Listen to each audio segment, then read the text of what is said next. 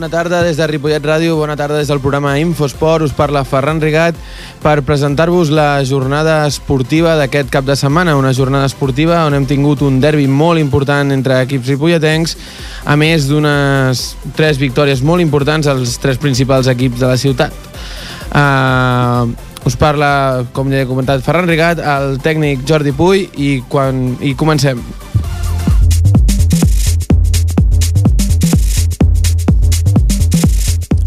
I comencem per uns petits titulars per posar-vos en boca el que tindrem aquest cap de setmana amb el meu company, el Nil. Us els presentarem. Pajaril contra Escuela Futbol Base. Derbi equilibrat amb una primera part per l'escola i una segona per al Pajaril. Amb handbol. En vol Ripollet torna a guanyar el pavelló Joan Creus. Tenis taula. Tercera victòria per al Ripollet que el deixa com a líder provisional. Futbol sala. El futbol sala remunta el vol amb dues victòries consecutives que l'allunyen de la zona baixa.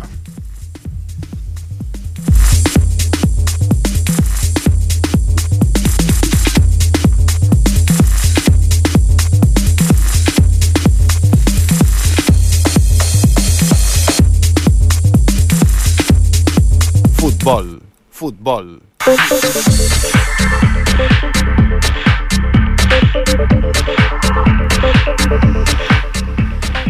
I comencem pel futbol, perquè aquesta setmana, com ja he comentat, tenim setmana gran per a l'esport ripolletenc, setmana gran pel futbol ripolletenc, amb aquest derbi importantíssim d'entre l'escola Futbol Base i el Pajaril, a casa del Pajaril, que ha deixat un empat a un, que el nostre company, el Manuel, ens ho explicará. Molt bona tarda, Manuel. Hola, buenas tardes. Eh, pues sí, el pasado sábado en el campo del Industrial pudimos vivir uno de los derbis más bonitos en los últimos tiempos, entre el Pajaril y la Escuela de Fútbol Base Ripollet, en el que la escuela tuvo el dominio en todo el primer tiempo, donde no supo acabar de matar el partido, y el segundo para un Pajaril que pudo incluso conseguir la victoria. Al final, por el juego dado por ambos equipos, se repartieron los puntos al finalizar en empate. El, eh, el partido el partido mm, tuvo un juego muy limpio por parte de ambos equipos, donde el, donde el respeto era mutuo. Fue la escuela quien puso la iniciativa en el primer tiempo, poniendo en aprietos no solo al meta del pajaril Rubén, sino también a la defensa, pillándolos constantemente en velocidad. Pero fue el pajaril quien puso el primer uy en el campo del, industrial, cuando corría en el minuto, en el minuto 13 donde Minuesa remata de cabeza un córner, el cual detenía el guardameta Joan. En el minuto 18 de partido, en una jugada de contraataque por parte de la escuela, es derribado al borde del área Cristian. Él mismo lanzaría la falta, la cual introduciría dentro de la portería, poniendo así a la escuela por delante. En el minuto 27, Paños es expulsado dejando al pajaril con uno menos en el campo, al derribar a Cristian al borde del área. Luis Gustavo lanzaría la falta, la cual estrella en el poste de la portería. El peligro era constante por parte de la escuela, cuando en el minuto 32 Cristian se vuelve a marchar en velocidad de la defensa, incluso del portero, pero el disparo sale desviado rozando el poste. En el minuto 37, Albert Córdoba se queda solo ante el guardameta Rubén, al cual le hace una vasalina, la cual sale fuera. En el minuto 41 una jugada entre Cristian y José Antonio lo lleva a plantarse en la, portería del pajaril y tras el centro de Cristian a Javier, este dispara a puerta, pero su disparo es interceptado por un defensa enviando a córner. El segundo tiempo ambos equipos pusieron más intensidad al partido, pero el dominio fue del pajaril. En el minuto 52 el árbitro anuló un gol a la escuela por fuera del juego en el minuto 58, una jugada que empieza desde un saque de banda por parte del Pajaril, que tras recibir el saque eh, Minuesa, quien deja el balón a Eloy y este centra a Eros, quien tras un fuerte disparo pone el empate a uno. En el minuto 61 Minuesa pone un balón a Eros, que ante el portero no es capaz de finalizar. En el minuto 79 una jugada por parte del Pajaril que empieza desde un saque de banda nuevamente y finaliza en gol, pero el árbitro anula por fuera de juego. En el minuto 81 la escuela vuelve a tener otra oportunidad por parte de Cristian de adelantarse, pero un defensa desvía el balón. En el minuto 87, una nueva falta al borde del área para la escuela que lanza nuevamente Cristian, pero su lanzamiento sale rozando el palo. En el minuto 90, el centro de Eros que intercepta a Rubén rematando de cabeza, pero el guardameta Joan saca de debajo de los palos y con, con eso, con esa última jugada, eh, acabábamos el partido con el resultado de empate a uno. Con lo cual, la escuela se queda en el puesto número 17 con dos puntos y recibe la próxima semana al Junior, que está en la posición número 16. El Pajaril desciende, desciende una zona más, quedando en el puesto número 15, y visita la Románica la próxima semana, que está en el puesto número 14. ¿Para quién crees que es más bueno este primer punto, Manuel? Pues yo creo que el, el punto a la escuela eh, le sabe bastante, bastante mucho mejor porque bueno, eh, es un equipo joven, es un equipo que está empezando, es un equipo que está en transformación y, y bueno, al estar ahí debajo de la tabla, habiendo tenido varios partidos con, con varias goleadas al principio, eh, poco a poco se está remontando y está haciendo un buen equipo la escuela. Eh, para el pajaril, eh, yo he sentido, he visto muchos nervios porque los resultados no están saliendo, porque el juego no está saliendo. Y bueno, esperemos que, que ahora que les tocan equipos que están al mismo nivel que yo, empiecen a, a repuntar y, y, empiecen a subir. Uh, pues pasamos al, a las parlamento, a las preguntas que pudiste hacer. ¿Con quién empezamos? Pues empezamos con Marc, el entrenador del, del Pajaril. Tenemos con nosotros a Marc, entrenador de, del Pajaril.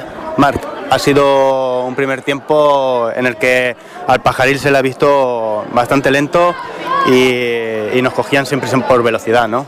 Sí, la verdad es que hemos empezado muy mal, hemos empezado con, bueno, sabíamos que el rival de enfrente, eh, pues en un derby siempre se igualan las condiciones y bueno, sí, la verdad es que la primera parte lo hemos pasado muy mal, lo hemos pasado muy mal, nos han puesto las cosas muy difíciles, nosotros no hemos acabado de entrar en el partido, uh, pero bueno, uh, también a, felicitar al rival ¿no? por ese trabajo que, han hecho y bueno, pues esto es fútbol, ¿no? Se trata de, del que, mejor juegue, pues se, se, lleva el gato al agua y así ha sido. La verdad que en el segundo tiempo eh, ha sido la superioridad de, del Pajaril, a pesar de que tenía un jugador menos. ¿Tú cómo lo has estado viendo? Sí, no, nos ha notado mucho, bueno, en la charla que hemos dado al descanso, una charla motivadora a los jugadores, que se vinieran arriba, que sabíamos que teníamos un jugador menos, que contra este rival pues eh, no es nada fácil. Simplemente pues hemos hecho nuestro fútbol, un fútbol más de toque, donde queríamos llevar más la iniciativa del partido, porque no nos quedaba otra si queríamos, si queríamos ganar. Pero bueno, uh, con un jugador menos pues a veces cuesta, cuesta horrores, porque bueno, ellos nos han venido abajo en ningún momento, arriba creaban mucho peligro y bueno, pues hemos conseguido marcar una jugada afortunada de Eros y hemos seguido insistiendo, insistiendo, pero bueno, al fin y al cabo sabemos lo que teníamos enfrente y es un buen equipo que ha hecho muy gran, un gran trabajo y, y nada más que me queda que felicitarles. La verdad que lo que hemos visto en el segundo tiempo, la creatividad de juego, la velocidad que ha puesto el pajaril, eh, no se ha visto en el primer tiempo, pero es que en el, partido que yo vine a ver también, le faltó también en el primer tiempo también lo mismo. ¿Le cuesta al pajaril empezar a arrancar los partidos? Sí, sí, sí, la verdad es que es una cosa que, que se habla por activa y por pasiva, porque es lo único que nos falta limar. Y sí, nos cuesta horrores entrar en el partido, parece que nos tengan que encajar un gol o que tengamos que vernos superiores para, para poder entrar en, este, en los partidos, que no tendría que ser así porque desgraciadamente pues eh, no hay equipo para eso.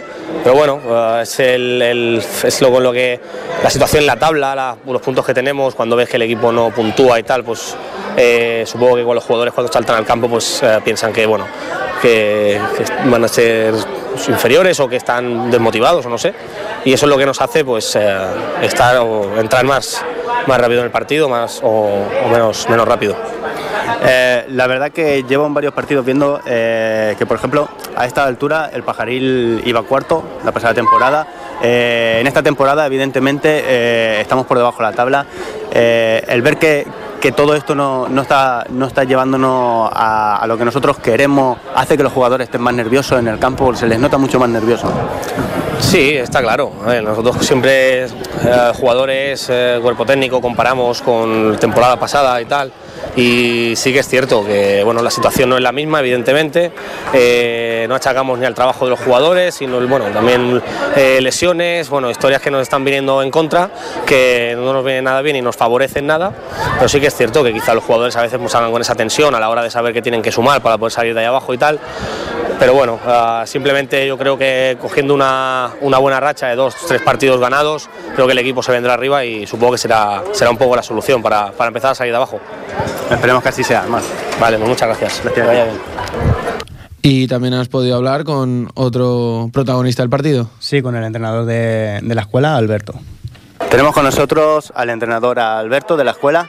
Eh, Alberto, eh, el, equipo de la escuela eh, tiene jugadores muy jóvenes, pero hemos estado viendo que realmente están hechos una piña, ¿no? Sí, la verdad es que sí, la verdad es que es un equipo que, que se está creando, es un equipo que ha costado hacerlo, pero bueno, ahora que una vez que está hecho, los chavales están todos, es una piña entera, son, son todos uña y carne, parece que, sean, que estén comprimidos en uno. A pesar de los resultados que no habían acompañado al principio, eh, ahora parece que el equipo empieza a funcionar, empieza a ir bien en velocidad, en creatividad de juego, o sea, eh, pero ha faltado, por ejemplo, en el primer tiempo haber matado el partido, Sí, ¿no? sí. El primer tiempo ha sido nuestro totalmente, así como el segundo no. El segundo ellos han crecido y la verdad es que están muy bien colocados y muy, muy trabajados. El primer tiempo ha sido nuestro. Si hubiéramos acabado 0-3 o 0-4 no hubiera pasado absolutamente, absolutamente nada porque lo hemos tenido. Lo hemos tenido ahí. Hemos llegado en muchas ocasiones, hemos, el partido ha sido nuestro. El medio campo ha sido nuestro, en fin. Hemos, hemos creado ocasiones que era lo importante, pero no se ha materializado y al final el, el fútbol se paga esto. A pesar de que la escuela jugaba con un jugador más, o sea, porque prácticamente hasta tres cuartas partes del partido jugando con, con un jugador más.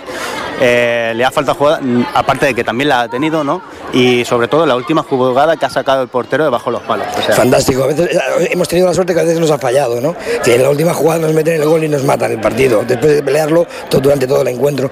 Hoy hemos tenido la suerte que el portero nos ha hecho una gran parada y ahí estamos. Teniendo este equipo y viendo cómo están mejorando poco a poco, eh, ¿cuáles son las aspiraciones a cara de- del equipo? A ver, de cara al equipo, las aspiraciones que tenemos es mantener categoría. Mantener categoría no, no aspiramos a más, que si luego viene algo, bienvenido sea, pero ya es complicado. Cada vez se complica más. Pero bueno, eh, ya son dos puntitos, ya son dos empates, ya no son 11-0, no son 6-0, ya es, ya, es, ya es otra cosa. Por suerte. Pues eso es todo por parte del derby, que ha dejado muy buenas sensaciones así en general. Pues sí, Ferran. Muchas gracias, Manuel, y ti, nos vemos a la próxima. Muy bien. Ah, passem a l'handbol. Handbol. Handbol.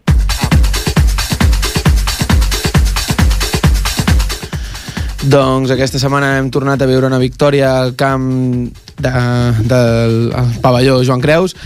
El primer equip del Ripollet ha jugat eh, aquest cap de setmana el partit corresponent a la tercera jornada de la segona catalana, emportant-se la victòria per 30-24 davant del segon equip del Gavà. Un rival que necessitava guanyar després de dues derrotes, però el Ripollet s'ha fet valer al pavelló. Els ripolletens han entrat connectats des, del primer, des dels primers minuts, solventant aquest error del primer partit a casa. Els visitants no s'han doblegat tan fàcilment, però el bon joc de la primera línia i ràpidament els locals s'han fet amb un avantatge favorable de dos o tres gols. El Gavà no ha resultat un rival fàcil i cap al minut 20 ha intensificat la feina defensiva i ha evitat que els ripolletens s'anessin amb una millor avantatge de la que ja gaudien, amb un resultat de 15 a 12. A la segona part, el Ripollet no ha baixat els braços i ha sortit amb el mateix ímpetu que la primera part. Durant el transcurs de la segona part, l'equip local ha aconseguit un avantatge de 7 gols, avantatge que només es reduiria en un gol ja cap al final de l'enfrontament. Aquesta victòria significa dos punts més que sumen als dos de la setmana passada con, eh, contra el Sant, An- Sant Adrià Martinenc C i deixa a l'equip a només una, una victòria del primer classificat. La setmana vinent serà una bona oportunitat per retallar distàncies a la pista del Barberà. Per parlar una mica més sobre aquest partit eh, hem trucat al Jesús Pons. Eh, buenas tardes, Jesús. Hola, buenas tardes. ¿cuán, de, pa- ¿Cuán de importante es para vosotros ganar en casa? Después de que la temporada pasada fue casi un fortín, por así decirlo. Importantes son todos los partidos, pero en casa sí que sobre todo hay que intentar conseguir los más puntos posibles para luego tener la permanencia, que es por lo que estamos luchando. Ah, eh, como he comentado, el Gabá venía de perder, mm, eh, ya lleva tres partidos perdidos, pero la, la clasificación ahora por ahora muestra que la liga mm, parece mucho más ah, aju- ajustada de lo que era la temporada pasada. ¿Cómo, cómo vas viendo estos primeros partidos y y cómo crees que a priori qué posibilidades tenéis? Bueno, las posibilidades es las que nosotros nos propongamos, porque tenemos un equipo para estar arriba. Pero también si no acompañan los horarios y la gente no se lesiona, ahora por ejemplo este fin de semana se lesiona un jugador y es una baja importante en el tobillo se ha lesionado y eso afecta. Luego ver también los partidos. Gabá, por ejemplo, es un equipo que estará abajo. San Martí también. Bañolas, por ejemplo, era uno de los que iba a estar arriba y al final ahora está tercero, creo que es tercero o cuarto de la clasificación. O sea que el nivel de, la, de los equipos es muy similar. Ah, bueno, hablarnos un poco más de la lesión. Mm, si no me equivoco, es Paul. No, es Kevin. Es Kevin, perdón. Ah, otro de los nuevos. Que, ¿cómo, cómo está? Explícanos. De momento no, no, no sabemos nada, todavía está a la espera de, de resultados, pero de- por lo que parece es un E15 de segundo grado seguramente. Ujú. Mm. Ah, justamente Kevin, ya lo hablé con Adrián la otra vez, ah, que viene de La Salle, después de una temporada de estar sin jugar. Mm, ya sois bastantes que venís de Moncada y parece que cada vez funcionáis mejor. Co- ¿Cómo funciona esto de adaptarse? Tú que también vienes de allí. ¿Cómo... No, es muy fácil, colectivamente el equipo, sobre todo fuera, es muy fácil adaptarse y, y jugando cuando viene gente nueva tampoco es difícil si sirven para para el puesto. Bueno, también, también habla bien de, del buen nivel que hay, que hay en, en Moncada. Y... Nada, en Ripollet también hay buen nivel. Sí, sí, sí, está claro. Am, la próxima semana Barberá, que a priori es un rival difícil. ¿Cómo, cómo ves este partido? Un partido complicado porque la sema- esta semana perdió solo de dos contra el primero, San Joan de Espí, que había hecho dos partidos ganando de 17. O sea que un partido a priori difícil. Ah, y bueno, ya para acabar, ah, que la semana pasada no pudimos comentar el partido contra el San Adrià. Ah, explícanos cómo, cómo fue así por encima. No, el partido empezó un poco complicado, pe- empezamos perdiendo de 4-5, pero tuvimos una buena reacción en la segunda parte y acabamos remontando. Pues nada más, eh, Jesús. ah, sé que sigáis ganando, que con estas dos victorias sean ya más y que sigáis en la parte de arriba, que ahora, ya- como ya he comentado, solo estáis a una victoria. Muchas gracias. Muchas luego. hasta luego.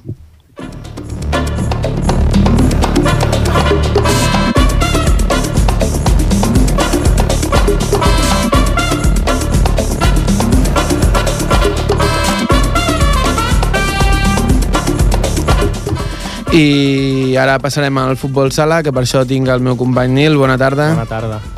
Doncs tot teu. Doncs sí, el primer equip del futbol sala Ripollet ha guanyat aquest dissabte a casa davant el Salou per 3 gols a 2, partit corresponent a la sisena jornada del campionat de la segona divisió B nacional de futbol sala. Amb aquest resultat, l'equip del Vallès suma la seva tercera victòria a la Lliga i la segona consecutiva, assolint així la novena plaça de la classificació i mantenint-se a la zona mitja de la taula. D'altra banda, el Salou és setzè, amb quatre derrotes, només una victòria i un empat. El balanç del futbol sala Ripollet, després de sis jornades disputades de Lliga, és de tres victòries i tres derrotes. Els dos triomfs anteriors van ser contra el Pallejà a la jornada anterior per un ajustat marcador de 4 gols a 5 i l'altre, el primer partit de Lliga, contra l'Olímpic Floresta per un clar 2 a 5.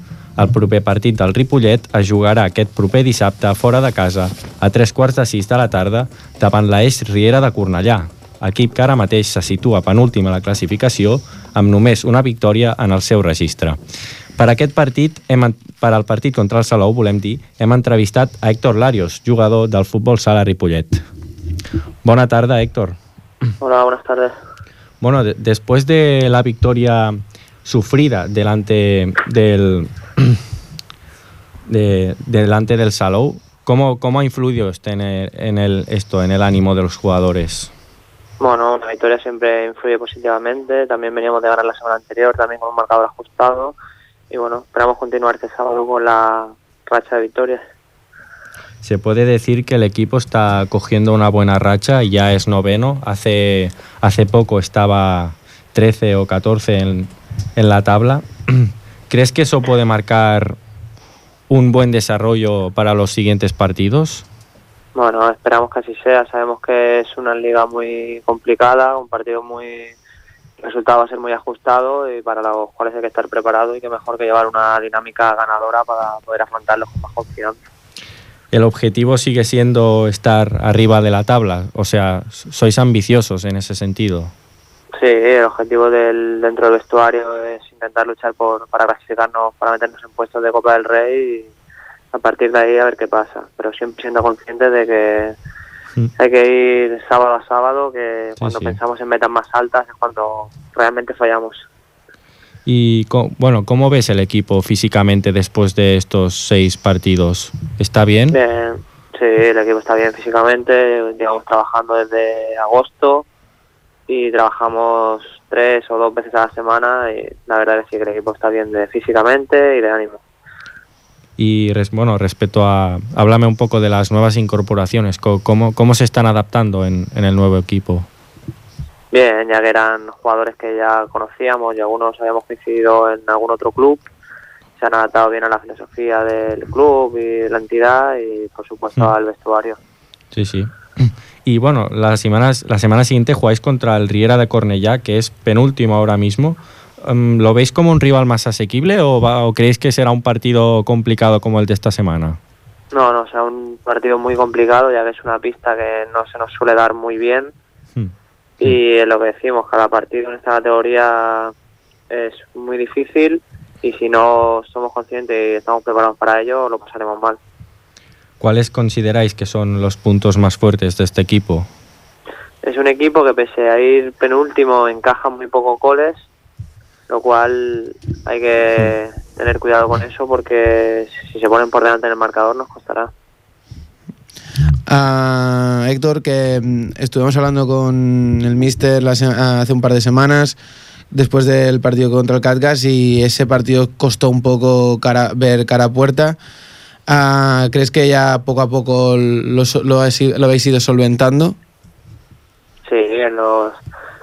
la verdad que el- tenemos jugadores con mucho gol en la plantilla y es cuestión de, de que vayan las jornadas y la gente se vaya encontrando más a gusto en pista y todo llegará. Y sobre todo el año pasado fuimos el equipo más honor de la categoría y este año si no lo somos estaremos por ahí. Ah, y bueno, también para acabar, nos gustaría que nos comentaras un poquito el partido anterior, que por la jornada festiva no pudimos ah, comentarlo. Nada, explícanos cómo, cómo fue. El de Palleja, Sí, el de Palleja. bueno, una pista complicada contra el subcampeón del año pasado. En- conseguimos ahora al reanudar la segunda parte, distanciarnos en el marcador, 2 a 5. Después ellos con el portero jugador pusieron 4 a 5, pero conseguimos saber sufrir y mantener el resultado. Mm. Ah, bueno, como tú has dicho que es subcampeón, le dais más valor ¿no? a esta victoria.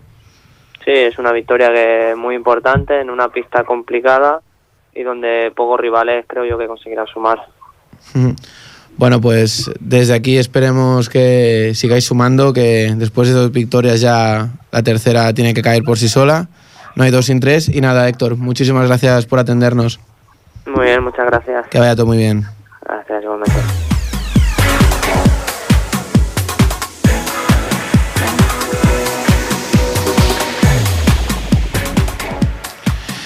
I seguim aquí amb en Nil, seguim amb el tenis taula, que és potser l'esport ara mateix capdavanter a Ripollet i no és per res més que perquè és l'únic a, a priori, esperem, eh, que l'únic líder.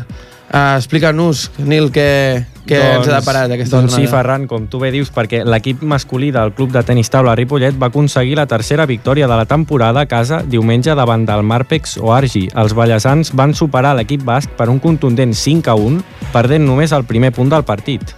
Els ripolletens es van imposar amb dos punts de Joan Massip, dos més de Miquel Arnau i un de Raül Porta. Amb aquest resultat, els ripolletens són líders, empatats a punts amb el Borges, però que té un partit menys. Per aquest partit, entrevistem a Miquel Arnau, jugador del club de tenis taula de Ripollet. Bona tarda, Miquel. Hola, bona tarda. Després d'aquest lideratge provisional del, del club de tenis taula Ripollet, com, com esteu moralment? Quines sensacions teniu de cara al, al desenvolupament de la temporada? Com es presenta? Bueno, amb, estem, home, estem molt contents perquè és una lliga molt complicada, però animats, però amb cautela perquè sabem que, que bueno, ens han tocat ara per ara equips que segurament són amb els que hauríem de lluitar per la permanència sí. i encara hi ha equips més forts. Llavors, doncs, bueno, amb cautela. Perquè a, a part del, del Borges, que és, diguem-ne, el, el gran rival a batir de moment, no? Quin, quins altres rivals forts eh, bueno, teniu en aquest, aquest any o espereu que siguin els grans a batir? A veure, el, mm, el Borges, per exemple, és un equip que en principi hauria d'estar lluitant per la permanència, igual, com, igual que nosaltres. Sí. I han començat amb tres victòries. Això indica una mica com serà la Lliga, no? Sí, sí. És a dir, que, que per lluitar per la permanència pràcticament s'hauran de guanyar com a mínim 9 partits, sí, sí. perquè baixen 3, que són molts, i en un grup de 12, i la veritat és que s'estan donant resultats una mica mm, Estrany, sí, sí. estranys. Per dir alguna cosa, al Borges mm, van a jugar a Irún i bueno, al País Basc i els dos en contra les va guanyar, però, però eren favorits els altres, en principi. Espera. I, bueno, estan passant moltes coses d'aquestes que estan, bueno, una mica, estan donant la volta una mica a la classificació, però que ja veurem a la llarga com, com, es, com acaba, no? Espereu una lliga una mica de bojos, no? Sí, és una lliga molt igualada. Sabem, per exemple, que l'Irun eh, el, l'Irun està jugant amb tres jugadors que, que no són els que jugaran sempre, tenen estrangers fitxats sí. i sabem que ells mantindran la categoria perquè, bueno, econòmicament tenen estrangers, el que no els han fet jugar, per tant ara els porten quatre partits perduts, però en qualsevol moment els posaran a jugar i, i no tindran problemes per mantenir. Llavors, clar, això també ha estat tergiversa una mica la classificació, no? Sí, sí. Perquè, clar, no és el mateix a l'equip amb a l'estranger que si no juga a l'estranger i en el lloc del base juga un tercer. No? Clar, exacte. Llavors, doncs, bueno, eh, per això dic que és amb cautela perquè estem molt contents perquè en portem tres de, i, i portem un ritme molt bo, però també és veritat que bueno, hem jugat amb equips que, que són amb els que hem de lluitar per la permanència, no? Tot i que aquesta setmana la veritat és que no ens esperàvem la victòria que, perquè era un dels equips Un que... partit molt important, sí, sí. Sí, es preveu que serà un dels equips que estarà a mitja taula cap amunt. I la veritat és que vam fer molt bon partit, ens va sortir molt bé. Llavors, tu creus que després d'aquests resultats tan, diguem-ne, estranys, po podríeu considerar-vos ambiciosos i buscar alguna cosa més que no fos la permanència, sinó anar més enllà?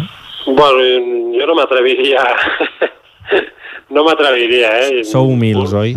Conec bé la categoria perquè havíem estat jugant molts anys en aquesta categoria Sí, sí. i sé que és molt complicada i s'ha d'anar rascant tots els partits possibles i l'avantatge és que hem començat molt bé i de quatre portem tres victòries i bueno mm, no, no ens plantegem res més vull dir, d'entrada ens plantegem anar per cada partit i intentar guanyar-lo i sabem que hi haurà partits molt complicats per, perquè són equips que estan molt reforçats amb estrangers i això, però, però bueno, de moment mentre les coses van bé, pues, sempre un està animat, no? Sí, sí, i, i en teniu motius. Espereu el proper partit també que sigui com el de la setmana passada o...?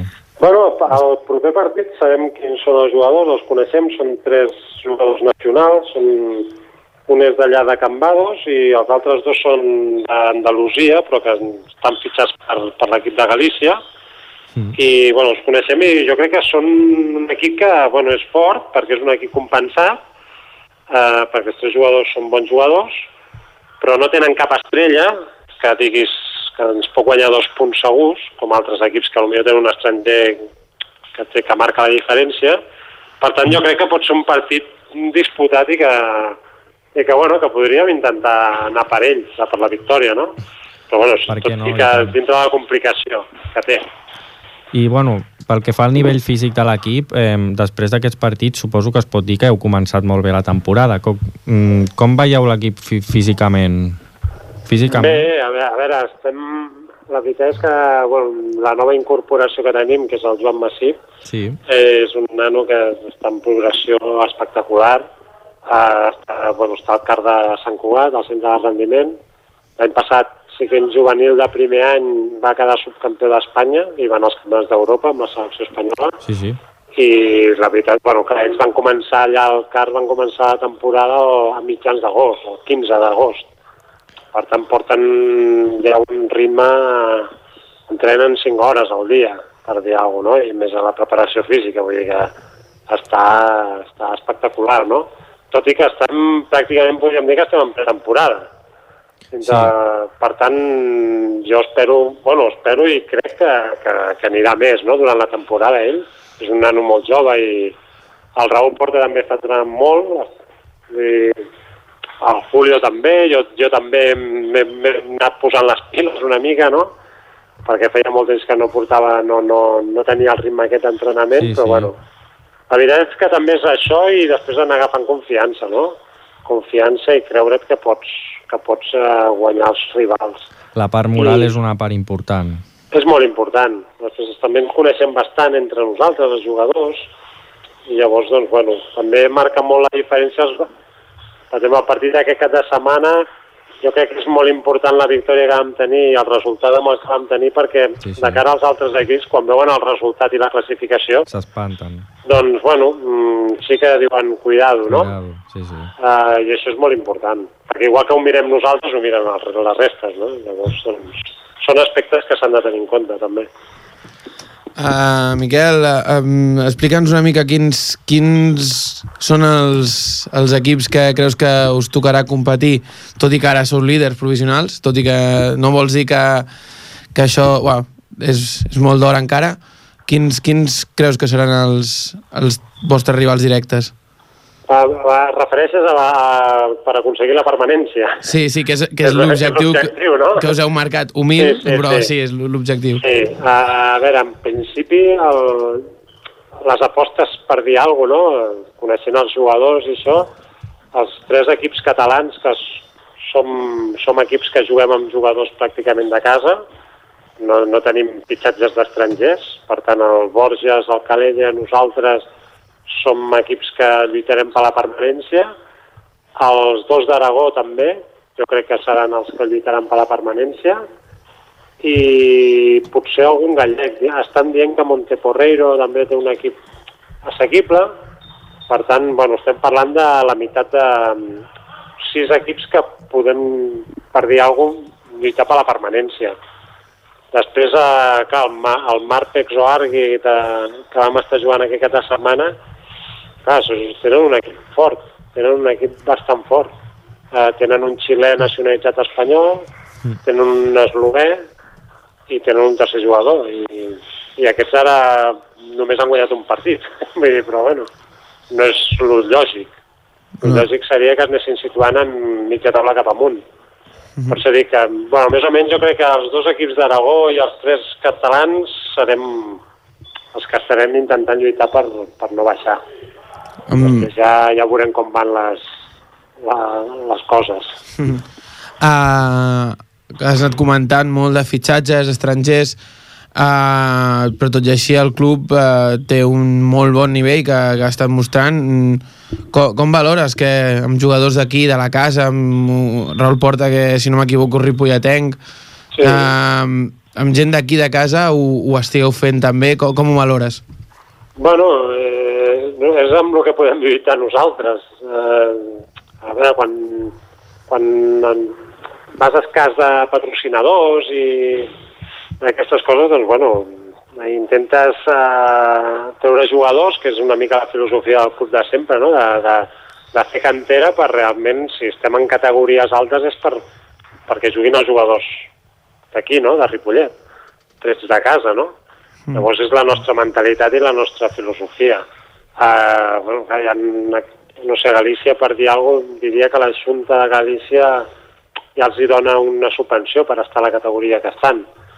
Uh, per estar a Divisió d'Honor em sembla que reben subvencions o... Mm. També alguns són pobles de Galícia que, que potser no tenen tants esports d'alt nivell, no? com podria ser a nivell català, que hi ha molts esports i, i que estan a un alt nivell. Llavors també, a lo millor doncs, econòmicament el poble ajuda molt més a l'equip, no? per dir alguna cosa. No és el mateix si hi ha un equip de tenis taula a la, a la segona categoria a nivell estatal, però millor no tenen altres esports sota rellevància no? dintre del poble. Mm. Llavors, clar, sí. això també fa molt, no? Mm. Mm, clar, nosaltres aquí tenim, tenim molts, molts esports, no? Uh, només a Ripollet imaginem els clubs que hi ha, no? De, d'entitats esportives, vull dir que és més complicat per nosaltres, i a Catalunya també, no?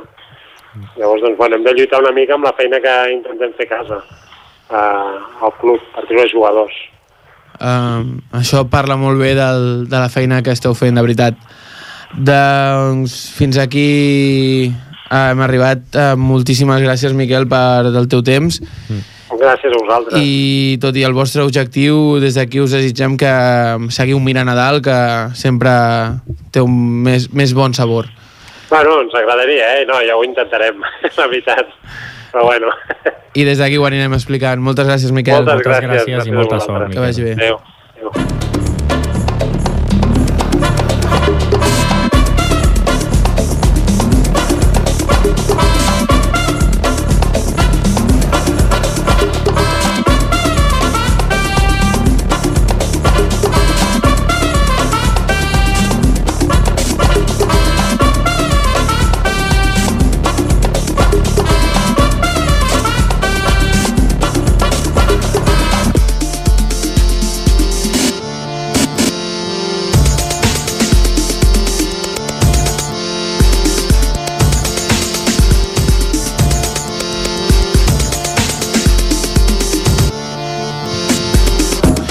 I tot seguit eh, passarem al bàsquet, on el nostre company, en Marc, eh, ha pogut veure l'única derrota dels equips ripolletens aquest cap de setmana.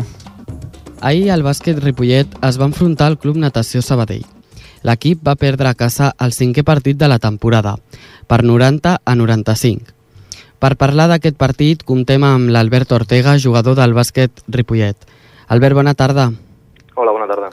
Aquest cap de setmana heu jugat a casa contra el Club Natació Sabadell, un partit on no heu aconseguit la victòria. Què va passar?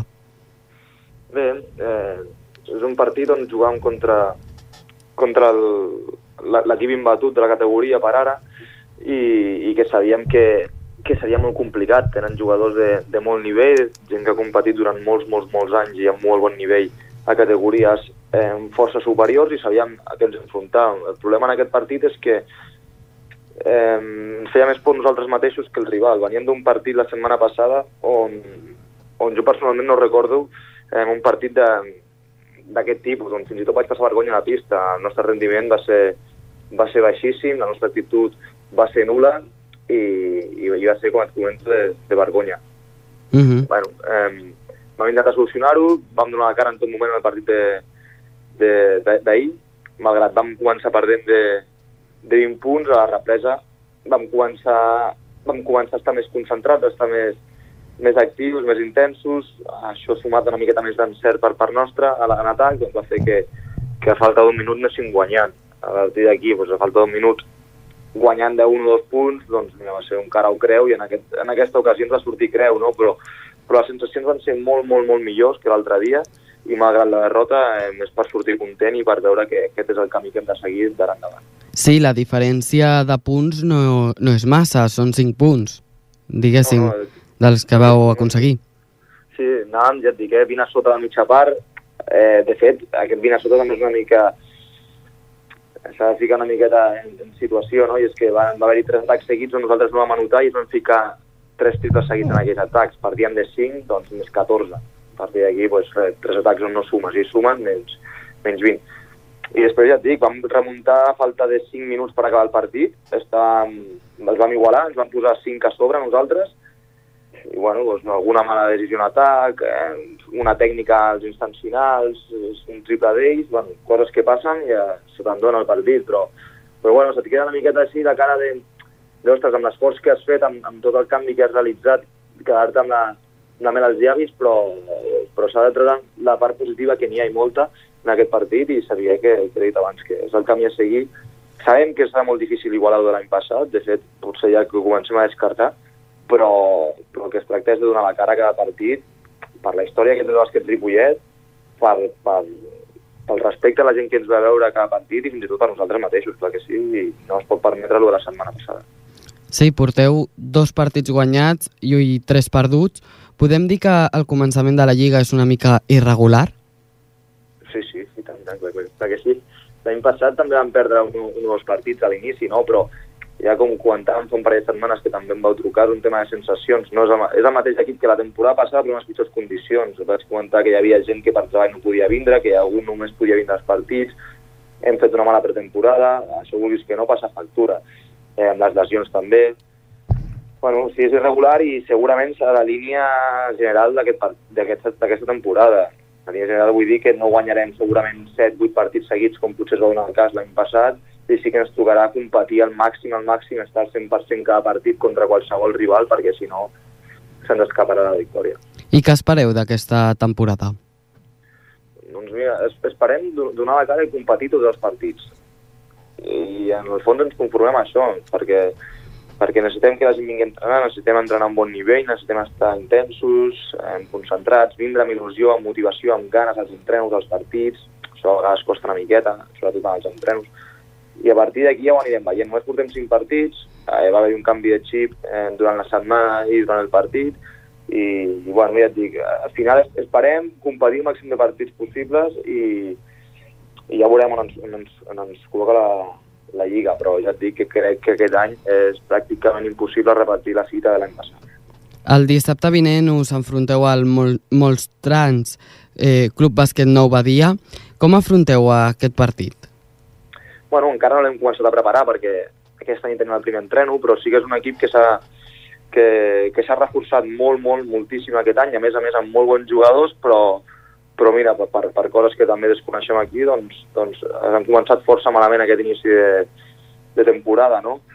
Segur que a casa, en un derbi contra... A més a més, nosaltres vam guanyar l'any passat els dos partits, doncs tindran ganes de refer-se i, i és una bona ocasió per ells eh, guanyar però, però el que et dic, nosaltres hem d'intentar canviar i, i si és un equip que va ara per ara per sota perquè no per nivell però sí per resultats doncs els hem de començar a guanyar, necessitem començar a guanyar partits perquè quan arribi el febrer doncs, estar tranquils i aleshores sí marcar-nos realment quins són els nostres objectius. Mm -hmm. Doncs Albert Ortega, jugador del bàsquet Ripollet, moltes gràcies per haver atès la trucada d'Infosport. Esperem que tingueu més sort i poder parlar un altre dia tornar a parlar amb vosaltres. Molt bé, moltes gràcies.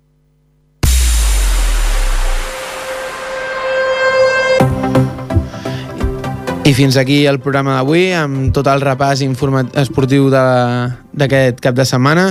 Us emplacem aquí la setmana que ve, com sempre, a les 7 i 10 i fins aleshores que tingueu molt esport. Moltes gràcies i fins la següent.